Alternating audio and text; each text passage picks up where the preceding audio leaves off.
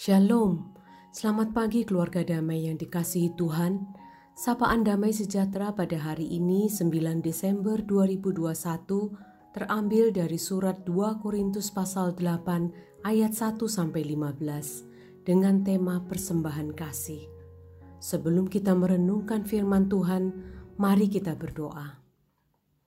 Bapa yang baik, pada saat kami membaca, mendengarkan, dan merenungkan firman-Mu, kami mohon agar Engkau berkenan menerangi dan memberi pemahaman kepada kami apa yang harus kami mengerti dan lakukan dalam kehidupan kami. Terima kasih ya Tuhan. Dalam nama Tuhan Yesus kami berdoa. Amin. Bacaan kita terambil dari 2 Korintus pasal 8 ayat 1 sampai 15 di mana saya akan membaca ayat 9 saja. Karena kamu telah mengenal kasih karunia Tuhan kita Yesus Kristus bahwa Ia yang oleh karena kamu menjadi miskin sekalipun Ia kaya supaya kamu menjadi kaya oleh karena kemiskinannya. Bapak Ibu yang dikasih Tuhan, jika Bapak Ibu membaca ayat 1 sampai 15, maka sedikit tentang latar belakang perikop ini adalah bahwa pada saat surat ini ditulis, orang-orang Kristen Yahudi di Yerusalem sedang mengalami masalah. Mereka jatuh miskin dan menderita karena bencana kelaparan. Dan Paulus mengajak jemaat-jemaat lain untuk mengumpulkan uang guna membantu jemaat atau gereja di Yerusalem tersebut. Jemaat di Makedonia, mereka adalah jemaat Filipi, Tesalonika, Berea, dan lain-lain sudah melakukan hal itu. Tetapi jemaat di Korintus tidak melakukannya, meskipun mereka pernah menjanjikannya, tetapi tidak mereka lakukan. Dapat kita lihat pada ayat 10 dan 11. Saya bacakan. Memang sudah sejak tahun yang lalu kamu mulai melaksanakannya dan mengambil keputusan untuk menyelesaikannya juga. Maka sekarang selesaikan jugalah pelaksanaannya itu. Hendaklah pelaksanaannya sepadan dengan kerelaanmu dan lakukan itu dengan apa yang ada padamu. Jemaat di Korintus sudah berjanji mau melakukan, tetapi mereka tidak melakukannya.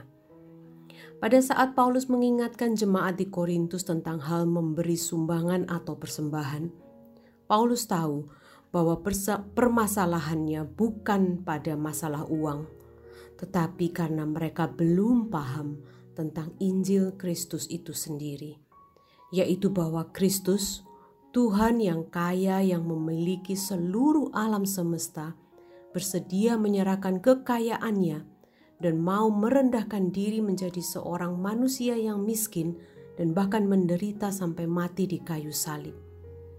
Seperti yang disebut di dalam Yohanes 3 ayat 16, karena begitu besar kasih Allah akan dunia ini, sehingga ia telah mengaruniakan anaknya yang tunggal, supaya setiap orang yang percaya kepadanya tidak binasa, melainkan beroleh hidup yang kekal juga di dalam Efesus pasal 2 ayat 8 sampai 9. Sebab karena kasih karunia kamu diselamatkan oleh iman. Itu bukan hasil usahamu, tetapi pemberian Allah. Itu bukan hasil pekerjaanmu. Jangan ada orang yang memegahkan diri. Allah terlebih dahulu memberikan kasih karunia-Nya kepada kita dengan memberi dirinya untuk menebus dosa kita karena itu di ayat 1 Paulus menuliskan demikian. Saudara-saudara, kami hendak memberitahukan kepada kamu tentang kasih karunia yang dianugerahkan kepada jemaat-jemaat di Makedonia. Kita, gara, kita garis bawahi kata-kata kasih karunia di atas, bahwa jemaat di Makedonia sudah memiliki dan memahami arti kasih karunia Allah tersebut sehingga meskipun mereka dalam berbagai cobaan berat dan berkekurangan, mereka tetap memberi menurut kemampuan mereka, bahkan melampaui kemampuan mereka. Jemaat Makedonia meskipun menderita, tetapi mereka merasa bersuka cita dan bahkan mendesak Paulus agar mereka bisa mengambil bagian dalam pelayanan kepada orang-orang kudus. Hal ini sungguh luar biasa. Karena itu di ayat 7 Paulus juga mengajak jemaat di Korintus untuk memahami dan memiliki kasih karunia Tuhan tersebut dengan tindakan nyata, yaitu dengan kemurahan hati bersedia memberi dalam pelayanan kasih ini. Ayat 7 berkata demikian, Maka sekarang sama seperti kamu kaya dalam segala sesuatu, dalam iman, dalam perkataan, dalam pengetahuan, dalam kesungguhan untuk membantu, dan dalam kasihmu terhadap kami, demikianlah juga hendaknya kamu kaya dalam pelayanan kasih ini. Bapak Ibu yang dikasihi Tuhan, apa standar kita dalam memberi? Standarnya adalah Kristus sendiri.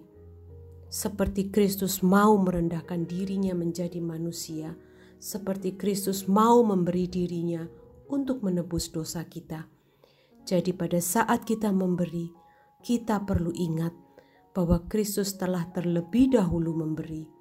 Karena itu, pemberian-pemberian kita, sumbangan-sumbangan, perpuluhan, ataupun persembahan kita adalah merupakan tanda terima kasih kita yang nyata kepada Tuhan atas kasih karunia-Nya dalam hidup kita. Kita memberi bukan supaya kita nantinya akan mendapat ganti berkat yang lebih besar dan lebih banyak. Tidak seperti itu. Perikop di atas hampir sama seperti cerita persembahan janda yang miskin pada Markus pasal 12 ayat 41 sampai 44. Janda yang miskin itu memberi dari kekurangannya. Tuhan Yesus tidak melihat jumlah pundi-pundi yang dipersembahkan. Tuhan melihat jauh lebih ke dalam, yaitu hati dan motivasi kita di saat orang lain memuji-muji jumlah persembahan kita, pada saat itu kita seharusnya langsung bertanya pada diri kita sendiri, dengan motivasi apakah saya memberi persembahan saya? Sekali lagi di ayat 9 saya bacakan, Karena kamu telah mengenal kasih karunia Tuhan kita Yesus Kristus, maka bahwa ia yang oleh karena kamu menjadi miskin sekalipun ia kaya, supaya kamu menjadi kaya oleh karena kemiskinannya. Jika kita sudah mengalami dan mendapat kasih karunia Tuhan, maka kita seharusnya memberi dengan sukacita dan dengan kemurahan hati. Mari kita berdoa. Ya Tuhan, kami sungguh ingin terus mengingat dan menyadari akan pemberian kasih-Mu yang besar atas hidup kami. Dengan demikian kami ingin berbagi dan memberi kepada sesama kami dengan rela hati, dengan segenap hati, dengan kemurahan hati, dan dengan niat yang murni di hadapan-Mu ya Tuhan. Tolong kami Tuhan. Amin. Tuhan Yesus memberkati.